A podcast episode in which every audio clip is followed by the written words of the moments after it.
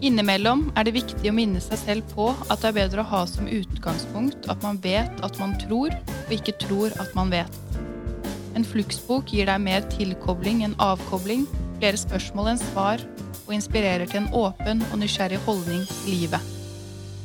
Denne gang skal vi lese fra Hva lærer døden oss? av forfatter Bjørnar Berg.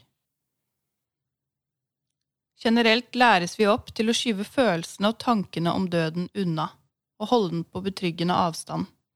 Døden er derfor et større samfunnstabu i våre dager enn seksualiteten er. Antagelig er den lidelsesfulle fysiske døden, for dette handler ikke om den pyntelige, abstrakte døden på film, det mest omfattende tabuet i dagens vestlige samfunn. Døden med sine redsler, lidelser og stygge scener ryster oss moderne mennesker i våre innerste grunnvoller, og døden får også det overmaterialistiske samfunnsprosjektet vårt til å skjelve. Derfor må den fysiske døden skjules, fortrenges og ufarliggjøres. Den moderne, globaliserte kulturen fortrenger den konkrete døden. Det er som om verden var et hotell der de døde vanligvis forsvinner om natten, uten at noen gjester er i stand til å merke deres nærvær, sier forfatteren José Saramago. Nobelprisvinneren Saramago er ikke særlig imponert over hvordan døden skildres i populærkulturen.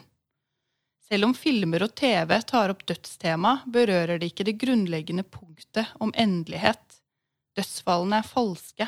De gode heltene blir skutt og kommer tilbake i live. Det er en annen måte å betrakte døden som uvirkelig på.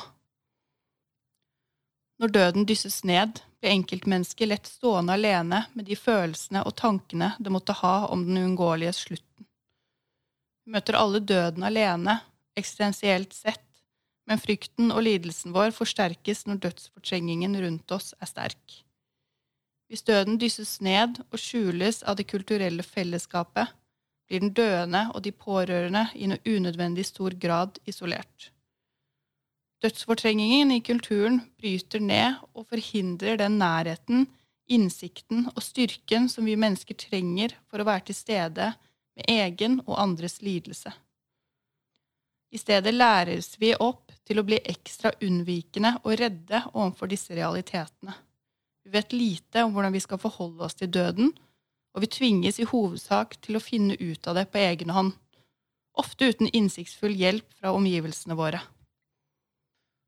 Da pappa ble alvorlig kreftsyk, var jeg 34 år, men jeg følte meg atskillig yngre sett i forhold til de utfordringene jeg møtte. Faktisk følte jeg meg ikke særlig mer moden på dødsområdet enn da farmoren min døde 24 år tidligere. Nå vil selvsagt personene vi er mest glad i, også vekke de sterkeste følelsene i oss hvis de blir alvorlig syke. Men det er også klart at hvis kulturen vår hadde tilstrebet et mer naturlig forhold til døden, ville vi også ha egnet oss et mer modent forhold til egen og andres dødelighet. En holdning som var mer basert på nærhet, fellesskap og klokskap enn på å skulle fortrenge og skjule døden og de følelsene den vekker. Samtidig som vi i unødvendig stor grad overlates til oss selv med følelsene og tankene våre, er det også viktig å huske at vi i Norge lever i et spesielt rikt og trygt land med et godt offentlig helsevesen som tar hånd om oss når vi blir syke. Vi har en ekstra beskyttelse som mange andre mennesker i verden ikke har. Sykdom og død kan derfor føles å være litt lenger unna for oss. Rett og slett på grunn av bra forebyggende helsearbeid, gode trygghetsforordninger og et helsevesen som tar seg av pleien og behandlingen som mange pårørende selv må stå for i andre deler av verden. Håndteringen av koronapandemien er et eksempel på det velfungerende helsevesenet i Norge, der landet vårt er blant nasjonene i verden med færrest koronadødsfall i forhold til innbyggertallet. For egen del hadde jeg liten erfaring med alvorlig sykdom og død før pappas kreftsykdom.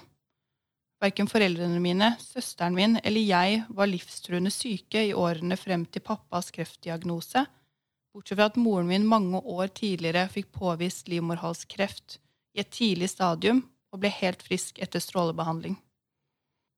Gjennom alle disse årene deltok jeg kun i seks begravelser. Jeg heter Frida Elvira Pettersen, og du har nå hørt et utdrag fra Hva lærer døden oss?, utgitt på Flux forlag i 2022. Musikken du hører, er laget av Olve Flakne, spesielt til oss.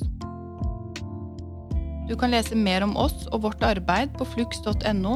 Der vil du finne mer informasjon om alle våre bøker, våre prosjekter og aktiviteter.